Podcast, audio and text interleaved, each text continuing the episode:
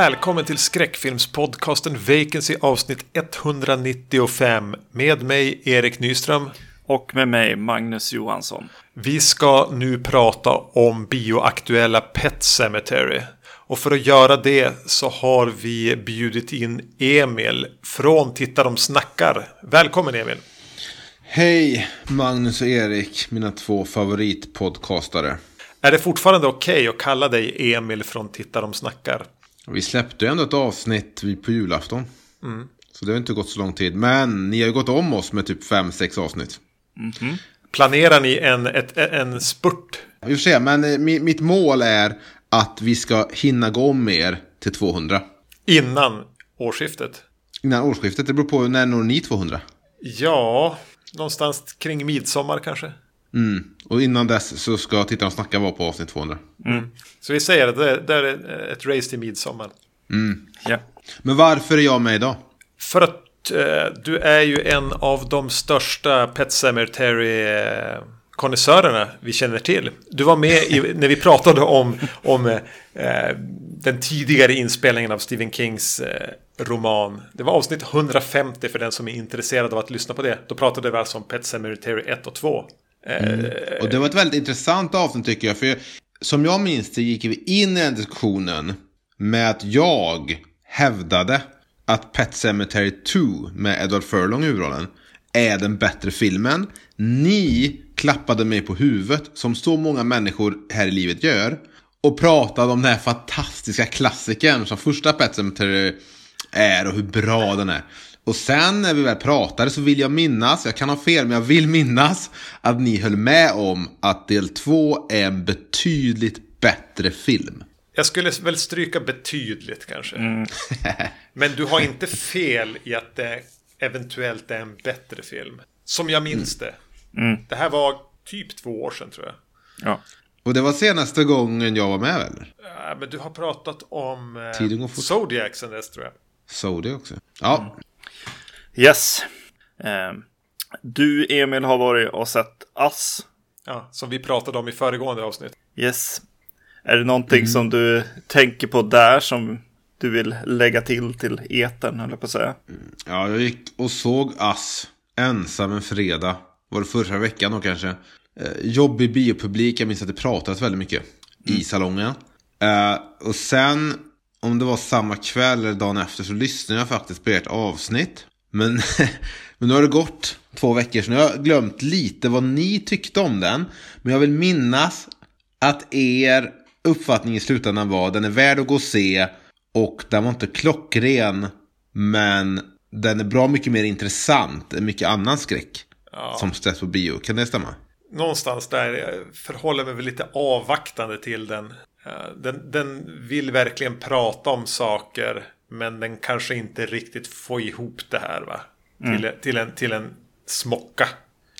Ja, för jag minns nu att jag, jag satt och lyssnade på avsnittet och så väntade jag hela tiden på att när kommer sågningen? När kommer sågningen? Men så var det alltid att ni guppade, du vet, på vattenytan till att det är ändå okej. Okay. Och ja. det blev ändå lite rädd. Det var mindre bra. Men jag satt bara och väntade. Okej, okay, och när, när går ni verkligen igång och börjar såga den här det skämtet i film? Men det, det hände ju inte riktigt. Men Nej. Nej, om jag ska säga någonting om Ass så är det väl, jag var inget... För när man pratar om Ass måste man alltid prata om Get Out också. Någon ja, anledning. det, det är sen uh, gammalt. Ja, och ni tycker om Get Out. Jag uh, var inte så begeistrad den som uh, alla var. Jag skulle väl säga att Get Out är 3 av 5. Mm. Jag, skulle, jag kan hålla med om, det kan jag med om. Och, så, och då skulle jag väl säga 2 av 5, 1 till 5 till 2 av 5 är Ass då. Problemet jag, jag har med Jordan Peele är att han har sina Twilight Zone-premisser. Han kommer på de här M. Night eh, Shyamalan eh, fröna till filmer som är så här, ja ah, här är twisten. Här är det som gör den här filmen unik. Här är det som gör som att vi kan skicka ut ett PR-utskick om den här filmen och folk kommer skriva om den. Men, men sen har han inte mer än ett Twilight-avsnitt som är Eh, ett, ett eh, Twilight Zone-avsnitt som är 22 minuter. Han har egentligen inte mer att berätta. Men ändå ska han dra ut det till en hel långfilm och han ska hitta en tredje akt och han ska kunna driva på en andra akt. Mm. Och jag blir uttråkad för jag märker att han har inte mer än det där skolfilmsprojektet som som man kan ha lagt upp på YouTube och, och fått och gjort lite småviralt. Ja, just det. Det är intressant för den här feedbacken ser jag ju eh, lite här och där kring eh, eh, på internet också. Där är det ju för mig Guillermo del Toro som är the champ av det. Att inte ha nog för en hel film utan bara ett Twilight Zone avsnitt. Eh, så det är lite intressant att de spelar, alltså att de bemöts på samma sätt. Ja, för min uppfattning, nu, var det ett tag sedan jag såg något av Del Toro. Ja. Men min uppfattning av honom har alltid varit mer att, jaha, det var väldigt futtigt här under den här äh, kreativa y, ym, ytan. Mm. Alltså lite att han har liksom ing- ingenting att backa upp de där fantastiska monstren i Pans labyrint med egentligen. Så att det blir ändå lite så här. Skillnaden mellan de två är att det är futtigt men stabilt med Del Toro. Och inte alls dåligt. Med Jordan Peele är det just bara det att han, han har liksom inte mer bensin i tanken än en, en första akt. Just det. Alltså, Jo- Jordan Peele är lite grann, han har en politisk punchline. Ehm, skulle jag, vill jag säga snarare än en twist kanske.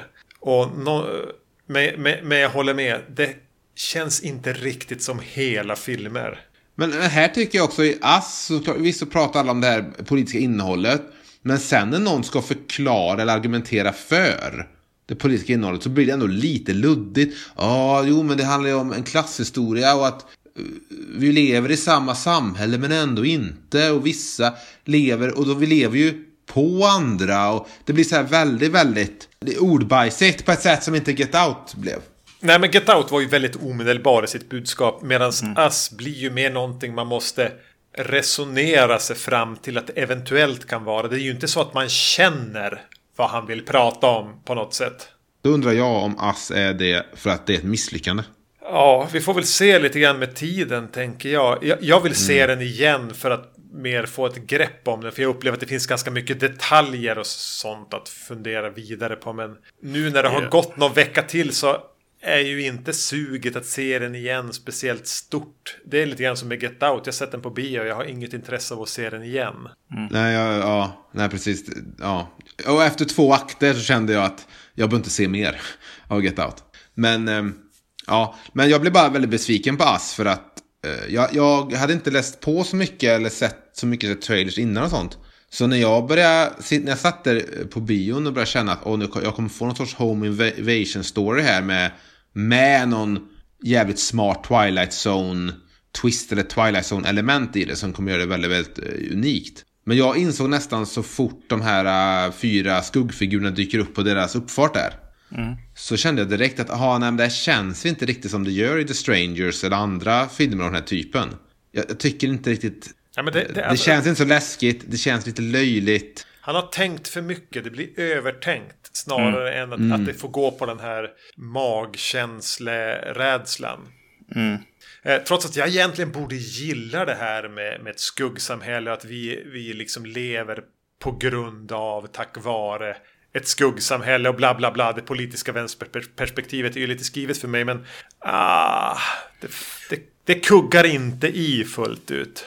Nej. Eh, ja, men på det sättet, om, om vi pratar politisk punchline, är, är liksom eh, målbilden, ja då är det ju ett misslyckande. Eh, då i så fall. Skrattade folk i era salonger när eh, Lupita eh, Nyong'o eh, började prata med den här eh, väldigt speciella rösten? En person skrattade första gången hon, hon började prata med den här extremt forcerade rösten och det var jag. Ja. och det hade förstörd för alla andra. Ja, men eh, jag tyckte fortfarande, och det håller jag fast jag tycker att hon är skitbra. Men sen tyckte jag också, jag vet inte, om, om det, här, det här kanske inte spelar en roll för filmupplevelsen. Men så fort den där flickan gick in i det där, äh, inte spegelhuset, men vad det nu var för, för hus på den här, på det här tivolit. Och hon ser sig själv. Så hade jag den i bakhuvudet, okej det mest självklara är att, hon, äh, att det är fel person Ja, som kom tillbaka. ja exakt. Jo. Men det, men det kanske inte är en, en twist, men det, det var ju det som skulle vara liksom sluttwisten. Och då kände jag bara, det här var ju Är det det så är ju det ett ordentligt magplask. För Ja, det är precis. ju ingen twist. Och, och det spelade ju egentligen ingen roll. Och det kanske är det som Nej, är precis. poängen. Men, och, och någonstans där har den ju då vänt sig själv ut och in. Och tänkt för mycket. För att fungera som en scream-polerad skräck, twistig skräckfilm. Med Mm. komiska inslag. Men ja, jag, jag vill inte avfärda den helt. Men äh, äh, du som gillar Twilight Zone, Emil. Du borde, Mm. och, och, och, och menar att Jordan Peele borde göra Twilight Zone. Borde väl då eh, vara stormförtjust i att han, jag vet inte om det är bekräftat eller ryktat, att han ska producera en ny lansering av det. Ja, de är, det har ju släppts två avsnitt över det. Zone. Så där långt efter det, ja. ja. Har du sett dem då? Nej, för det är väl på något sätt CBS streamingtjänst som de finns. Jag har bara läst att mottagandet har varit lite halvdant. Ja. Men Magnus, du har också varit på bio och sett annat än Ass. Eh, Ja, precis. Eh, Jag började se en massa recensioner och grejer på Lords of Chaos, Jonas Åkerlunds film. Och började så här, bara, ja men hur ser man den då? Eh, Så jag hade ett jävla problem att förstå vilken typ streamingtjänst eller vad tusan den skulle kunna vara. Och till slut så eh, gick den på en biograf här i Stockholm. Bara som en sån där one-off visning liksom. Och det här handlar om typ den norska black, metal eh, skandalen, eller vad man ska säga. Ja, precis. Exakt. Med, eh, eh, runt bandet eh, Mayhem. Jag, jag vill inte säga så mycket om filmen, förutom att jag, jag hade nog väldigt eh, låga förväntningar när jag var på väg. Eh, skulle dit. Eh, Jonas Åkerlund, hur känns det liksom? Hur känns det 2019? Dario Argento-varning på den aktualiteten. ja, eh, men, eh, eller kanske tack vare det, så tyckte jag att eh, filmen var bra. Alltså det, det är definitivt en film att gå och se. Eller se när den dyker upp på någon streamingtjänst. Ska man se den före man ska se Ass? Jaha, ja, ja precis. Jo, eh, Ja. det, jo, det ska man göra. Ja, det, var, det känns som rätt svar. Ja, Men precis. måste man, måste man ha ett intresse för den norska black metal-grejen? Eller kan man se den bara som en... För jag antar att den har lite skräckfilmselement i sig. Eller? Ja, precis. Alltså det är ju, det är en, alltså en true crime, liksom drama, eh, film med väldigt så här, alltså brotten när de går överstyr så blir de ju väldigt, väldigt brutala och det är väl det som är skräckfilmselementet så där. Eh, men annars är det ju bara så här en, eh, det bästa med den var lite så här känslan av eh, när unga gör saker tillsammans på ett ganska extremt sätt. Eh, det, man eh, kommer ju tillbaks lite grann till, till barndomen på något sätt. Eller åtminstone klickar man såg. Tittade lite beundrande på. Fast Ja. var lite rädd för kanske. Ja, precis. Ja. Eh, eh, för de har hi- hittat ju ett häng där liksom i, i när han startar en eh, skivbutik där. Eh, och sitter och är eh, svåra och hotfulla och provocerande liksom. Sitter och ser på, på eh, splatterfilm hela dagarna. Eh, jag tyckte om den alltså. Eh, och det var bra, sko- bra skådespelare också. Eh, I just det, att, att spela de här. eh, Är, är den på norska? Nej, nej, den är på engelska. Engelska? Ja. Men det, alltså det, det är lite som uh, Finches Girl with the Dragon Tattoo. Det utspelar sig i Norge och allting. Men Ja, ja, exakt. har de, kör de med lite norsk dialekt? En accent? Nej, det gör de inte.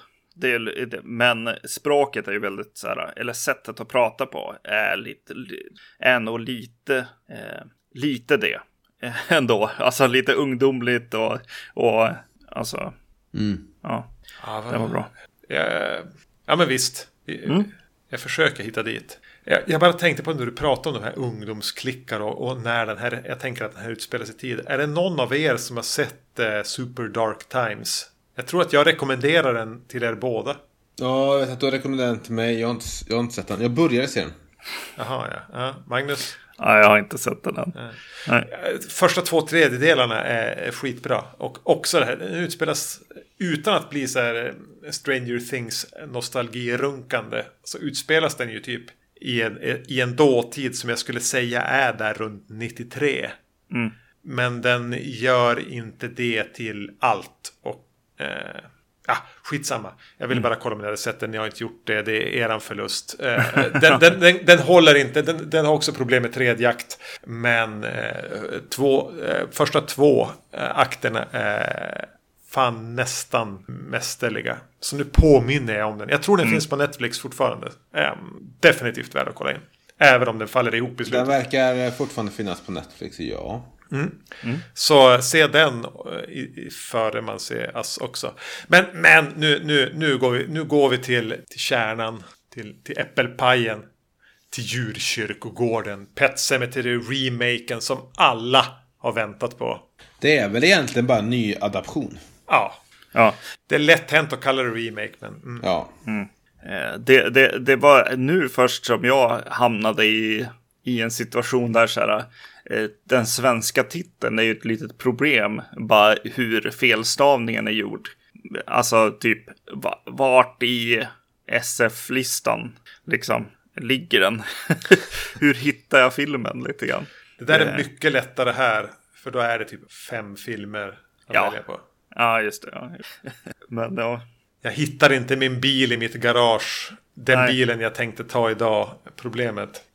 Vi, vi gör så här att vi kommer att eh, berätta lite kort om vad var och en tyckte om den. Om man ska gå och se den och lite varför. Så att har man inte sett den kan man lyssna på det och sen avgöra om man vill lyssna vidare eller om man vill springa och se den först. Sen hugger vi in på att spoila loss på den här exakt så mycket som vi känner för. Mm. Ska vi köra en liten handling före också? Ja, djurkyrkogården handlar ju om en familj som flyttar till en eh, mindre samhälle, Ludlow. För att eh, pappan har fått jobb på universitetet som universitetsläkare. De bor bredvid en djurkyrkogård. Om man gräver ner någon där, till exempel sin katt, så kommer den eventuellt tillbaka till liv. Kanske kan man gräva ner annat där också. Och det kommer tillbaka till liv. Mm. Men förändrat. Det är inte det man grävde ner, nej. yes. Ja, coolt. Ah, ska jag ta något slags ansvar här? Jag är ändå äldst. Mm. Jag såg den här igår på bio. Jag, mitt biosällskap och en till i stora salongen. Så det var kanske en tredjedel av publiken från eh, Ass. nu var det trots allt en måndag. Um, och ja, nej, jag tycker att definitivt man kan hoppa över den här. Den är otroligt ointressant. Och jag hoppas att jag kan få er hjälp att, att hitta saker att prata om fortsättningsvis. Så nej, skippa den här. Den är inte dock så dålig att man blir irriterad. Mm. Men vad säger du Emil? Den är ju inte, alltså någonting som är provocerande dåligt kan också bli intressant. Jag tycker Ass, som var misslyckad på många sätt, är ändå intressant. Mm. Den här filmen var så paint by numbers att det var som att inte titta på någonting alls. Det enda bra jag kan säga om den var att till skillnad från Ass så var det en tyst biosalong när jag gick och såg den. Och folk verkade bara respektera filmen fast de kanske inte borde ha gjort det. Mm. Uh, jag tycker att, ja precis, här, här måste vi liksom uh, slå ett uh, slag på kriget mot liksom medelmåttan. Nej, gå inte och se den. helt, helt klart. Det är inte för att den är dålig, som jag säger så. Utan det är för att den är så, så jävulst eh, medelmåttig. Som du, som du är inne på, Emil, att så här, vad, alltså, ha lite liksom skit någonstans. Är det, mm. Ja, lite grit liksom, eller någonting. Alltså. Var hellre Wickerman-remaken då? Ja, exakt, exakt. Ja, men den är också intressant för att den alla fall är lite konstig. Mm. Det är det. Och ehm, ja, jag tyckte också den kändes eh, gammalmodig på något sätt. Det var lite som att man satt och kollade på en väldigt gammal film i hur den var gjord. Det kändes lite för mig som en sån här Stephen King tv-filmatisering. Exakt. Mm. Exakt. Ja, nu gillar jag verkligen faktiskt The Shining miniserien. Men så folk uppfattade Shining miniserien så uppfattar jag lite den här. Det var som att kolla på en tv-film. Det låter som tre tummar ner här om vi ska köra så här Ebert Siskel. Eh.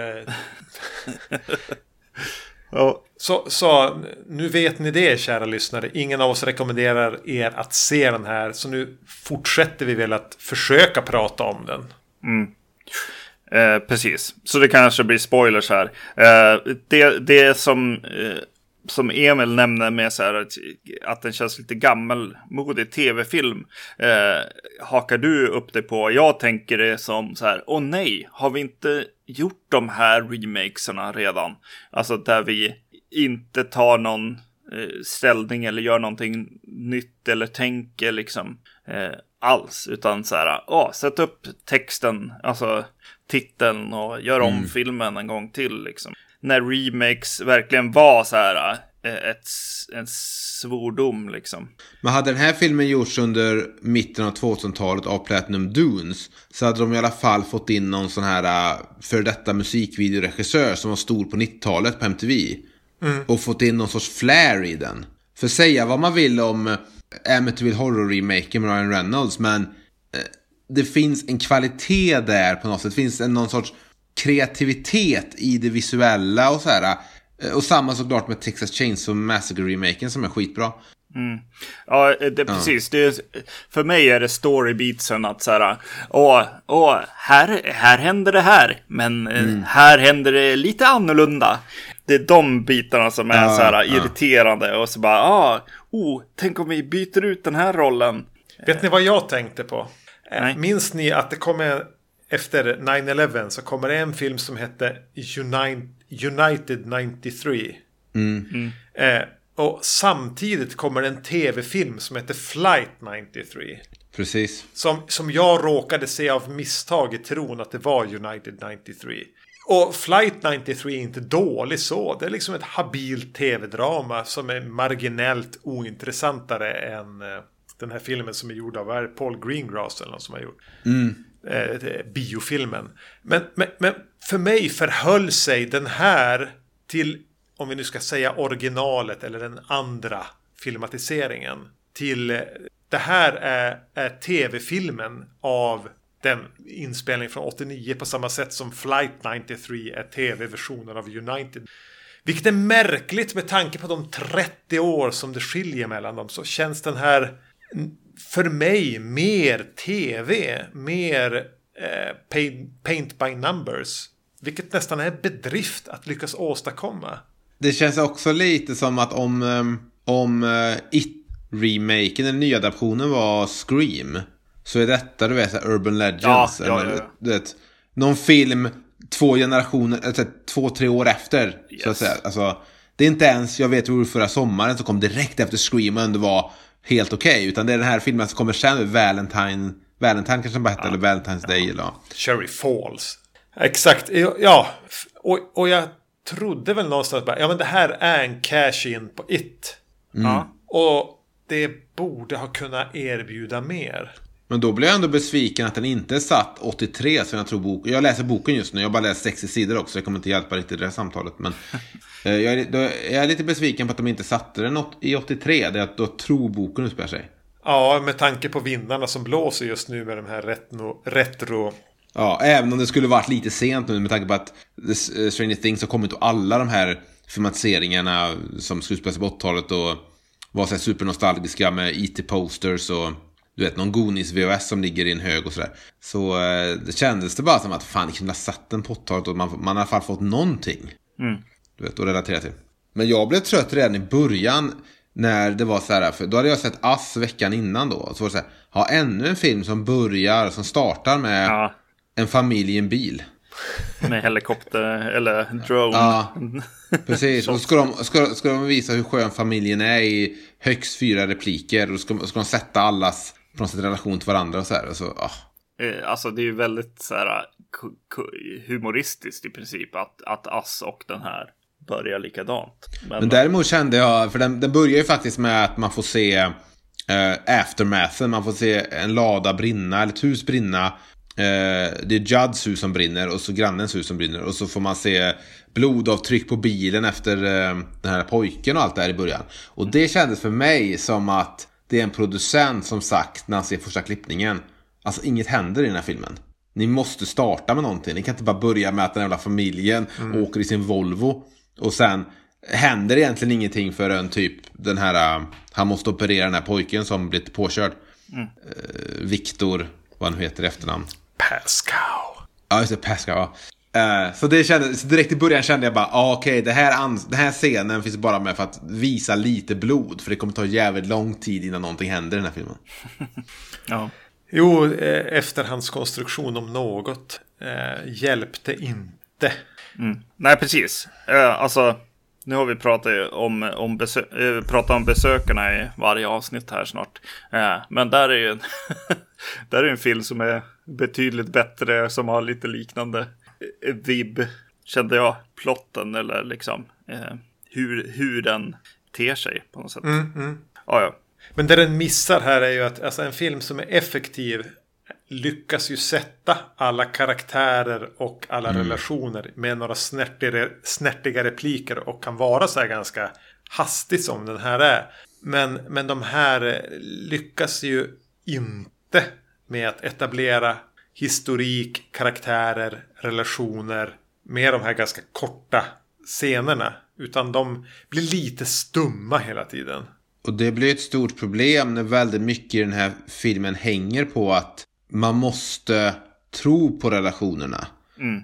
Man måste ju tro att grannen Judd och pappan kommer så nära, nära varandra att Judd går med på att berätta om det som ligger bortom djurkyrkogården. Går med på att, trots allt han själv upplevt då, med saker som grävt sig upp ur den här, när kyrkogården kommer tillbaka, så måste han ändå gå med på att begrava katten och sånt. Och, och i, i, boken så beskrivs det ju nästan direkt när Judd kommer och hälsar på att i någon mening av typen det här är pappan som eh, han, han, Louis heter han kanske, Louis ja. kände att han alltid velat ha eller någonting. Alltså att de, de bygger en väldigt nära relation mellan Judd eh, och fadern. Och, och, i boken får de ju många så här sitta och dricka öl-scener.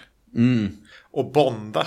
Medans här eh, blir Judd med den här knasiga grannen som de är lite rädd för. Och helt plötsligt är han en viktig del av familjen. Alltså det är ett ganska bra exempel på hur det inte kuggar i i att bygga upp de här karaktärerna tillsammans. Mm. För att jag kände ju redan när jag satt i bion där att jaha, jag sitter inte och tittar på en film nu. Det jag tittar på är manusförfattarens första dag på jobbet.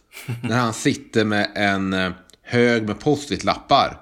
Och sätter, och sätter upp så här post-it-lappar på väggen över viktiga saker som måste hända i narrativet. Mm. Alltså av typen, post-it-lapparna jag såg var till exempel eh, Katten är så viktig för dottern att grannen går med på att eh, berätta om att de kan begrava katten och den kan börja leva igen. Och till exempel post-it-lappen Mamman mår så dåligt av att vara där att hon vill hem.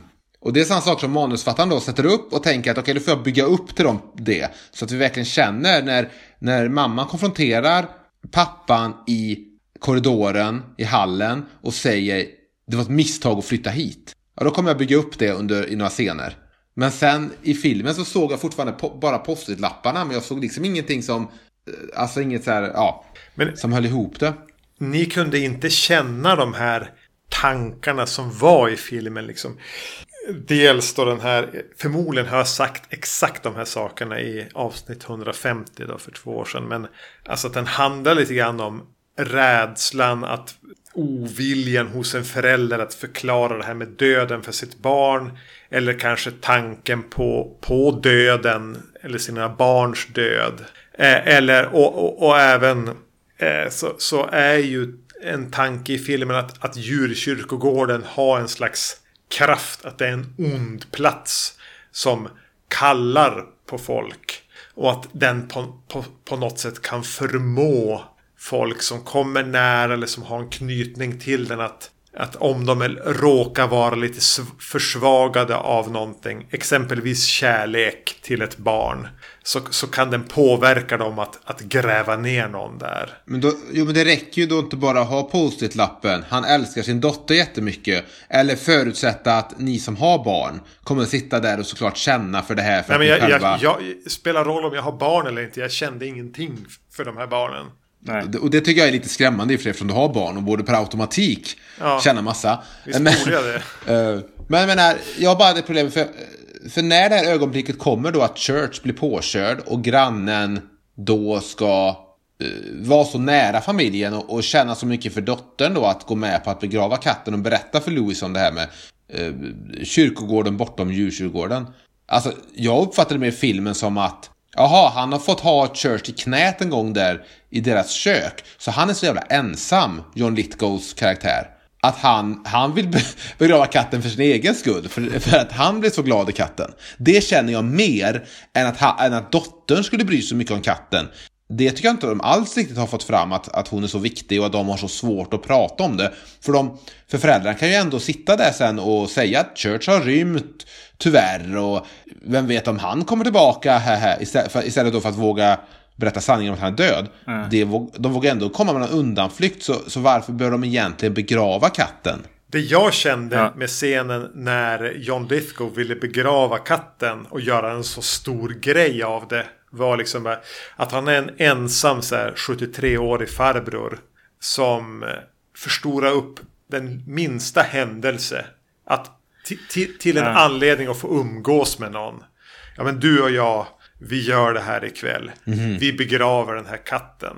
När det egentligen bara handlar om att stoppa den i en ICA-påse och kasta den i liksom soporna. Eller gräva ner den någonstans. Eh, det, det var väl det jag kände mest i den sekvensen. Ja, okej, okay, just det. För det är ju inte, alltså, det, det, det han är ute efter, eller det de säger, det han, ja, han säger det istället för att visa det. Eh, men eh, det är ju att eh, han får en, en stark connection till dottern här, Ellie. Ja. Eh, och eh, kan inte se henne lida liksom. Och så sen kanske det finns en aspekt av att, att eh, djurkyrkogården kallar också att och nu händer en sån här tillfälle igen och, och nej, jag har en stark relation till någon så jag kommer att göra det här mot mitt bättre liksom vetande. Men kände du att den relationen fanns mellan uh, Ellie och Jad? Nej. Nej, den är ju stendöd. Hon, ja. hon skuttar runt i ballerinakjol där. Det känns ju mer obehagligt. Ja. Ja, och han blev väl arg på henne hon, hon håller på hemma hos honom eh, och ehm, rota och ha sig väl där. Och då blir han ju lite arg. Så eh, det finns ju någonting mer obehagligt över relationen mellan grannen och, familjen än, eh, än någon sån här, eh, någon värme. Men, och...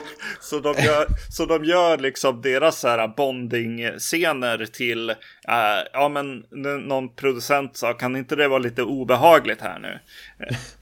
Jag tror bara det är så dålig regi och så dåligt manusarbete. Att de har råkat liksom repellera istället för att liksom dra ihop karaktärer. Ja. Men Ja, men det, det, var bara det.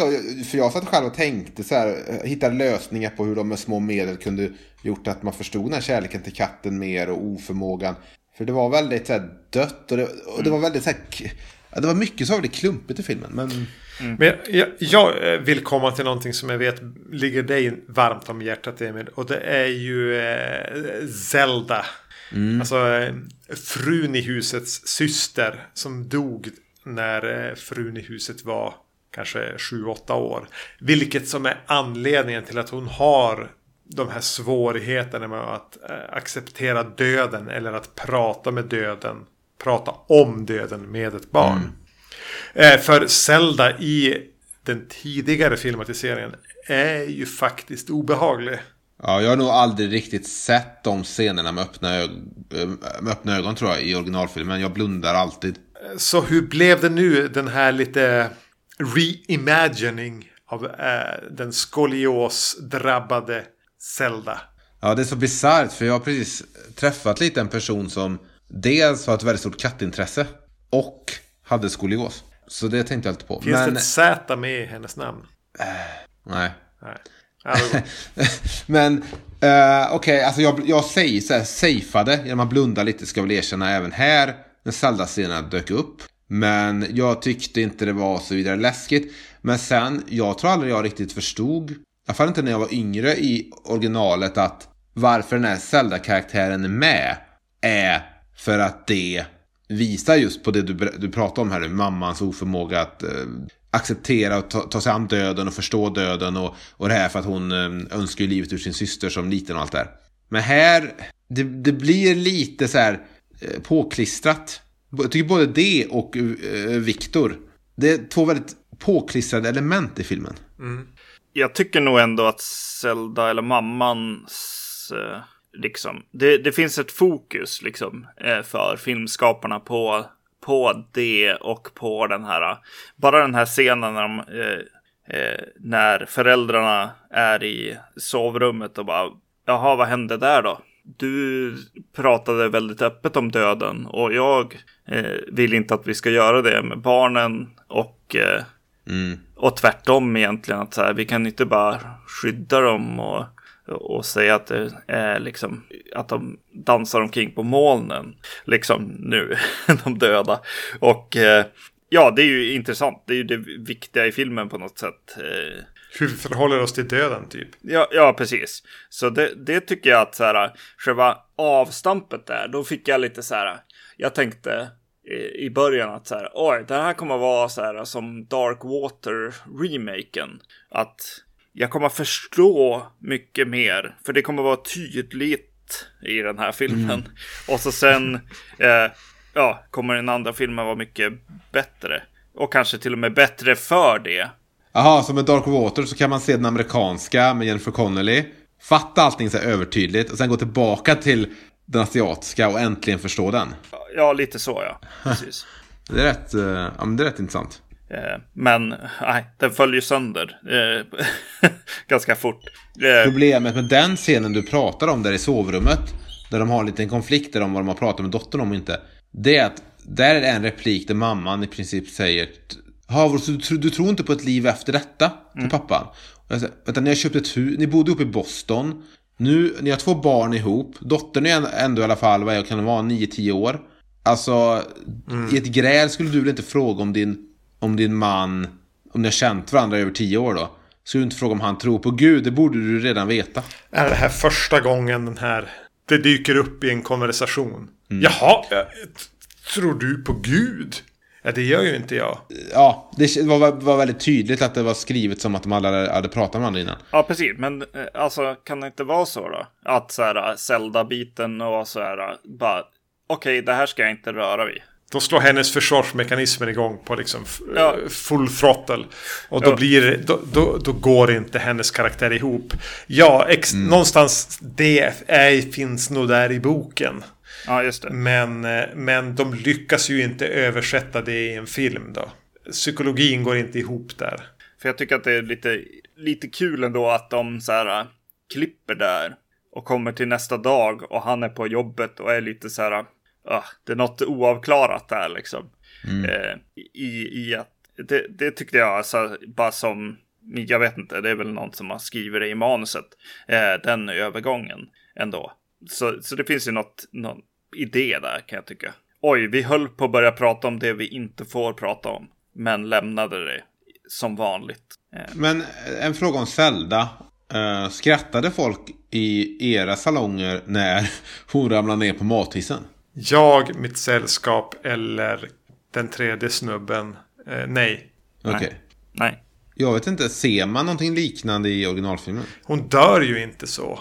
Nej, för det var, det var ju... Ja, folk skrattade i alla fall. Det var en väldigt tyst och bra salong. Och folk var inne i filmen.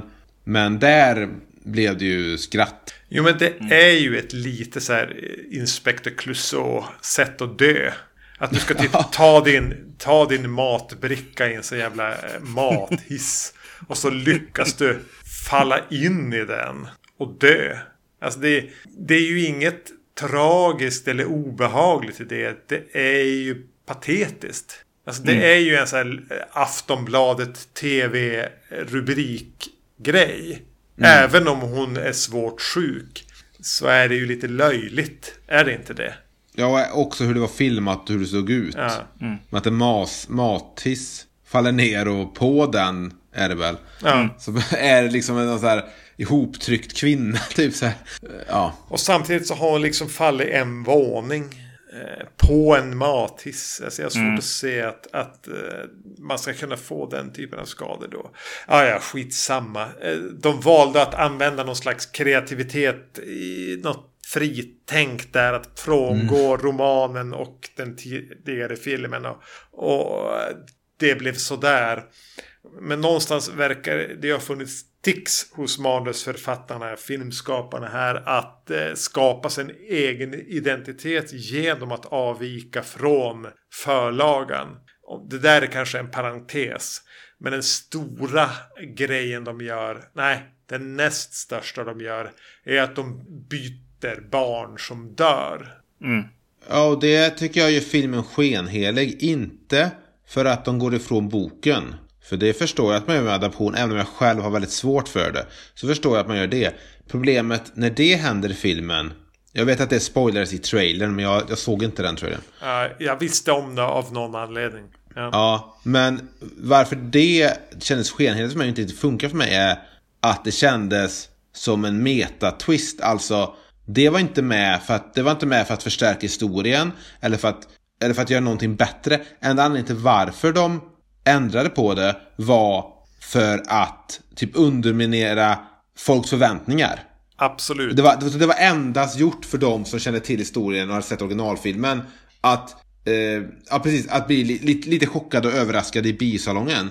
Så det hade ingenting, kände jag i alla fall, med liksom, för, för att förstärka historien.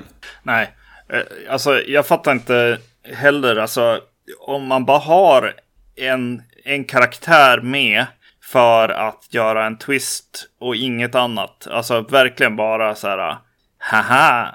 Ja, han blir, han blir en red herring. Ja, ja en red herring. Vad, vad, vad, gör, vad gör han där? Varför har vi ett, ett andra barn i den här historien som är centrerad kring liksom mamma, pappa och barnet? Mm, mm. Eh, och, så, och så bara, i, ibland så ser man ett barn gå omkring. Eller mm. eh, stå Han någonstans. hade lika gärna kunnat vara en hund. Ja. ja, precis. Och det är också liksom att då efter det då, att istället att den lite äldre flickan blir påkörd och dör. Så blir det till någon så här döden klär henne-film. Ja, där, den... där det ska vara så här, ja, någon sorts, det, alltså det blir lite löjligt bara när det ska mer handla om, okej, okay, hur hur blir det när eh, att, att prata och, och liksom relatera till en tioåring som är död och börjar, börjar liksom vara lite eh, så här trotsig. Det, det, är lite läskigare tycker jag i originalfilmen. När det är en liten pojke som knappt kan prata. Mm. Ja, och där går de snabbt vidare. Det är inte så att det ska byggas en relation mellan, mellan pappa och den odöda dottern. Som kanske ska vara lite någonting är lite fel. Utan i både men, ursprungsromanen eh, och, och, och, i den tidigare filmatiseringen så, så fort Gage kommer tillbaka är det ju någonting fel med han. Och han går mm. direkt in i Berserker mode. Och det har som förklarats även i romanen att ju smartare personen är desto större inverkan har den här onda kraften på dem. Vilket gör att, att katten ändå kan fungera hyfsat. Medan en människa okay. direkt är, är, är, full av ondska. Mm. Men jag har inget för mig i tvåan då, den här bättre filmen. Där är det ju två vuxna som begravs. Det är den här styvfarsan, polisen som är någon sorts sadist. Och så är det ju mamman sen. Och där tycker jag det funkar. Ja. Men det, det, var väl just det, det blir ju lite, lite löjligt här. Det, det kan ju också varit lite på grund av att den här lilla flickan inte var världens charmigaste eller duktiga skådis. Och inga riktigt repliker som hon fick riktigt landade riktigt. Mm. Så det kan ju ha haft med det att göra också. Men det, för mig blir det bara väldigt löjligt när Jason Clark ska försöka leva något så här. Ja men det blir döden klär henne för mig.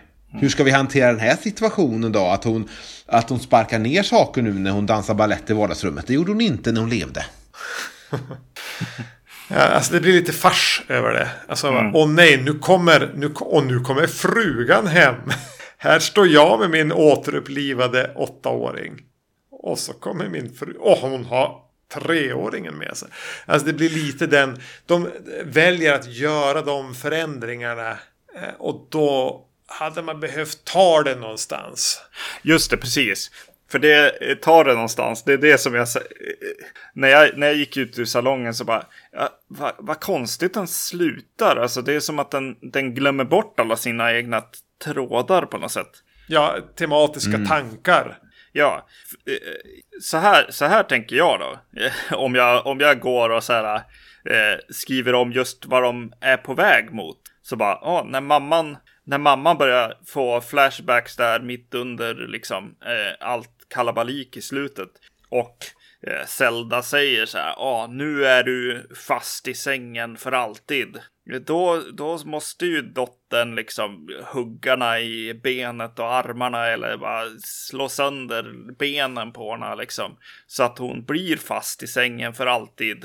Eh, alltså, och, och kanske att så här, att vi kan sluta filmen med så här, oh, pappa och dotter är nere i källaren och pappa är helt fokuserad på att försöka få få sin, sin onda, odöda dotter att liksom kunna leva ett, ett vanligt liv, komma tillbaks till den här, jag kan nu spendera lite mer tid med dig. Är ju varför han flyttar dit liksom. Det blir lite som i Shaun of the Dead när han har kvar sin kompis där och spelar Xbox med honom.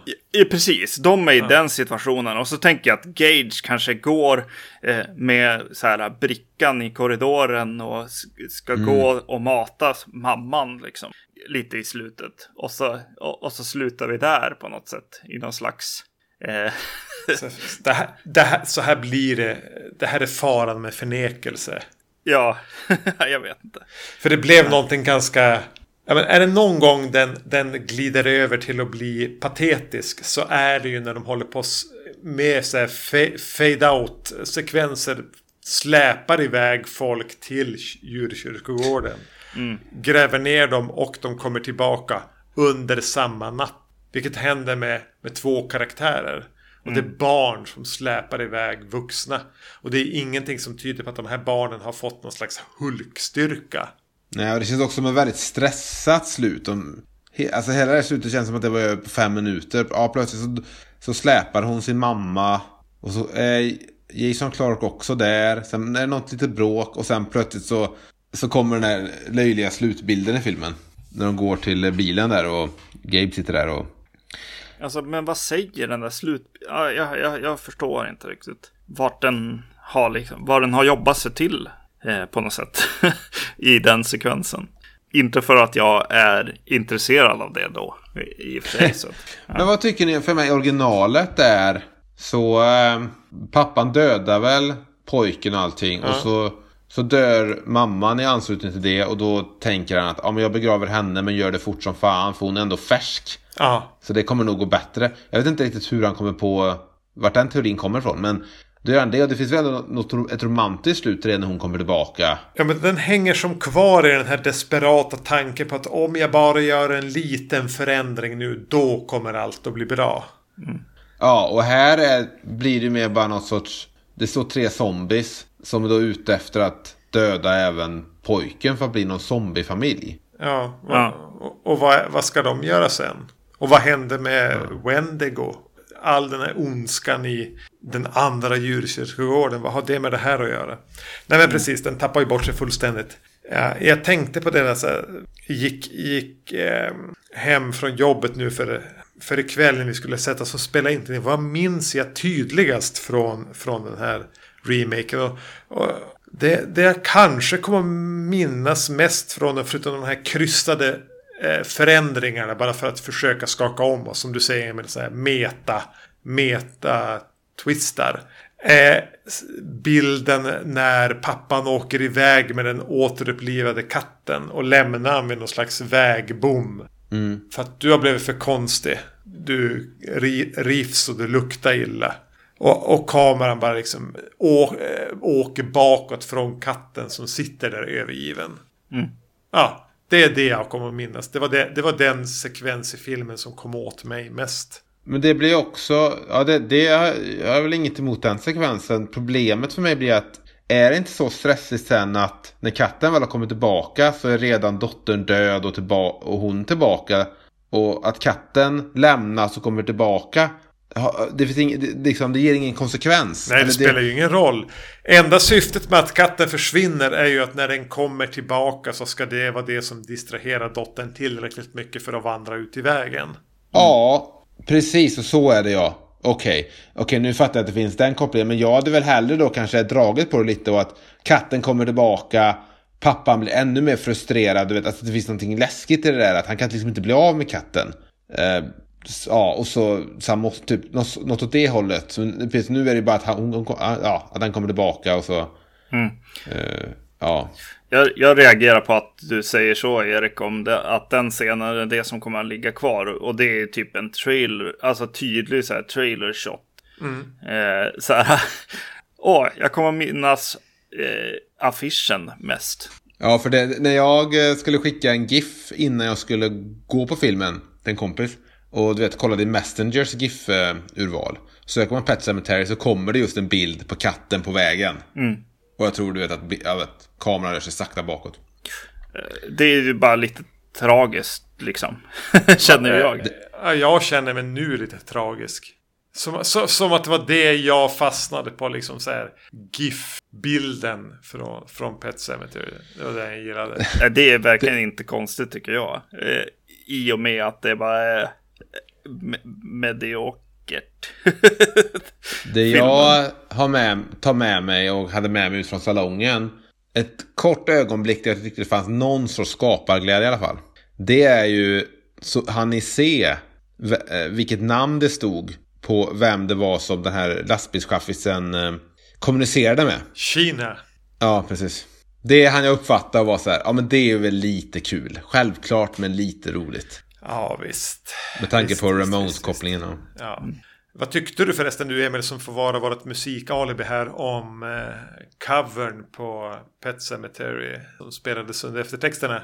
Jag hade ju inte lyssnat på Christopher Youngs soundtrack till filmen innan. Jag har gjort det dock efteråt. Eh, några gånger. Och där är ju den Ramones-covern med på slutet. Men jag visste när jag såg, in, när jag såg filmen visste inte om det skulle vara med någon, eh, någon eh, cover eller originallåten. Så jag, jag satt ju faktiskt också under visningen och väntade. Så här, och under eftertexterna kommer de dra igång Ramones-låten. Men istället så blir, var den här lite mer lösigare och helt meningslösa covern. Ja. Inte för att jag tycker att Ramones-låten är så jävla superbra heller, men hade, hade den dragit igång där i eftertexterna och det har varit rätt film som visades innan så hade jag nog kunnat ändå känna fan, fan. Gött att det äntligen finns en bra Pet Cemetery och skönt med Ramones här nu och du vet, istället så blir allting bara lite så här, ja. Det, det, på- det, det, det, alltså det, det, det gjorde inte att filmen blev en 3 av 5 eller någonting. Med att det var en kass Ramones-cover i eftertexterna. Jag satt nästan någonstans och hoppades att filmen skulle liksom halka ner till en svag etta. Så att jag hade kunnat ha kul åt det. Och för mig är det nog en etta. Ja, ja, men kanske är den det. Det är den nog. Men eh, den hade behövt vara den där roliga ettan. För jag har alltid tänkt att liksom två av fem är det värsta en film kan vara. Ja. Eh, Och den här är väl kanske det. Jag vet inte. Och Vad nu ett betyg är. Vad en skala är och vem det är någonting för. Men den här är just så jävla meningslös. Att jag hade önskat att den var uppenbart sämre. Jag hade velat Matthew Perry skulle spela pappan. Eh, Varför inte? Ja, för, för att jag tänkte på han ibland. Så att det hade blivit lite lökigare. Ja, bara någonting som hade, hade förhöjt kalkonstatusen hos den här filmen hade gjort den så mycket intressantare. Än det här bara urtvättade. Ja, som sagt, den har ju inte ens den här Platinum Dunes-krispigheten. Utan det, det känns som en trött tv-film som Ja. vi, vi startar diskussionen med. Känns som vi kan sluta, på, sluta diskussionen där då kanske. Eh, Ja, alltså. Pff, ja, fy, ja. Nej, men eh, just också, eh, alltså när det luktar de här äh, gamla remakesen där man bara ska eh, byta ut liksom. Åh, det hände den där istället. Eller eh, så här, äh, hälsenesnittet kommer två sekunder senare än vad du trodde. Alltså, alltså jag blir så otroligt less. Oh. mm, nej, alltså gud vad tråkigt. Alltså det är ju... Ja, ja, i och för sig, det kanske är bra för eh, vem som nu gjorde det, liksom. Eh, börjar, börjar vara lite mer nöjd här då. Eh, Helt plötsligt blev den så här bara, ja men, det- ja men shit alltså, den där var ju bra film ju. Ja, precis. Ja. så bara, nah, ja, Och den blev ju riktmärket som man hoppades att den här filmen skulle nå upp till. Och då var ändå jag Ja. inte ett superfan av den det. Jag tyckte det var för mycket datoreffekter och Ja. allt där. Ja, nej, den var inget vidare va. nej, Men, men nu är den ju det. Ja, precis. nu är den ju Scream i nya Stephen King-versen. Ja, nej. Åh, oh, gud. Men han det, det är knepigt det där med Stephen King-filmatiseringar. För det är verkligen så här ge och ta och högt och lågt. Och, eh, han är, det känns som att han, han har satt sitt namn på alla möjliga sorters filmatiseringar. Och man vet aldrig riktigt vad man får. Ja, det är lite ja. jobbigt att vara ett Stephen King-fan som jag ändå ser mig själv som. Jag satt ju ärligt och bara Stephen King, är det är det? det? Tycker jag inte ens om den här, eh, liksom honom. Så, så blev det ju ett tag där. Eh, särskilt när jag hade en så här, när jag fick en vibb av att ja, men det här kommer vara den liksom mer så här tydliga varianten på det här. Eh, så bara, va? men nu, nu, vet ju jag att du inte läser böcker, Magnus. Nej, precis. Men äh, för mig handlar det mycket om att vara i hans bokvärld. Och mm. hur han beskriver karaktärer, skeenden och äh, saker. Ja. I, hans språk är väl egentligen bättre än hans idéer. Hans världar är bättre än hans äh, dramaturgiska struktur. Så det är egentligen mm. konstigt att man har gått så hårt all in på att göra filmer på hans idéer. Mm. Vilka är bara en hisspitch. Jag menar en kyrkogård där du gräver ner något. Ha! Eller ett hotell där alla gästerna spö spökar kvar. Eller en clown i kloakerna som äter barn. Som min syster beskrev den. Mm. Eh, boken när jag skulle läsa den. Alltså det, det, det blir bara fjantigt. Utan ska man kunna uppskatta Stephen King ska man nog ha läst ganska mycket. Och kunna tillåta sig själv att, att uppslukas av en pulpig ganska lättillgänglig värld av en författare som någonstans ändå är rätt skicklig. Mm. Eh, men när man översätter det så blir det bara Alltså Jokkmokks-Jocke. Men jag tror också att han har, om du sa här tidigare avsnittet att Jordan Peele överskriver och jobbar för mycket. Känns som att Stephen King bara skriver, ibland hög, ibland inte hög. Mm. Och så blir det vad det blir. Och då blir det 500 sidor som Djurkyrkogården-boken är. Men en sån enkel sak som att det finns en djurkyrkogård. Men bortom djurkyrkogården på en indiankyrkogård. Där sker, sker, sker det här att folk vaknar till liv igen. Det är en sån sak där Jordan, Jordan Peele hade varit så här, varför har jag med den här, alltså det, det kan lika vara en kyrkogård, det blir enklare om det är djurkyrkogården, för det är ändå den det boken kommer att heta, det folk kommer att prata om. Stephen King är lite så här, jag tror att han kan, och det är samma tyckte jag med It, att det ibland kan bli lite väldigt invecklat. Ja. Och det verkar som att folk kanske godkänner det ofta i böcker, för att man, jag vet inte, man kommer in i en värld på ett annat sätt än i en film kanske. Men... Eh, om du tycker liksom ja. att, att det låter rimligt, läs då i sådana fall It-böcker böckerna, det är ju två. För där kan du hamna i en karaktärs pappas långa, långa berättelser om hans upplevelse under kriget. Som ändå mm. någonstans på något sätt känns som att det hör hemma i den här berättelsen. Uh, utan att jag nu vill låta som värsta Stephen King-fanboyen. För det ser jag ju i alla fall inte mig själv som. Ja, ah, men vad fan. Emil, har du sett The Incredible Melting Man. Nej. Har du sett The Stuff? Nej. Nej. Det, det är vårt nästa avsnitt i alla fall på, på Vacancy. Låter fantastiskt. Ja, ja, jag är jättepeppad. Jag har inte sett någon av dem. Äh, än. Det är eh, precis, det är sm smält eh, films eh, special på G. Ja. Eh, i, I två avsnitt va? Vi, vi, vi, lurar lite grann på vad som kommer i, i del två. Mm. Vill, du, vill du plugga för någonting Emil? Uh, jag kan väl säga att, när släpps det här avsnittet? Ja, den här veckan. Ja. Okej, då kan eh, kanske ett avsnitt av Tittarna snackar lagts upp. Där eh, det pratas om uh, Mötley Crüe-filmen The Dirt. Så det kan jag väl plugga då kanske. Att folk kan lyssna in sig på Tittarna snackar, podden som jag vanligtvis har. Cool. Tack för att du var med. No problems. Tack, hej. Hej. hej.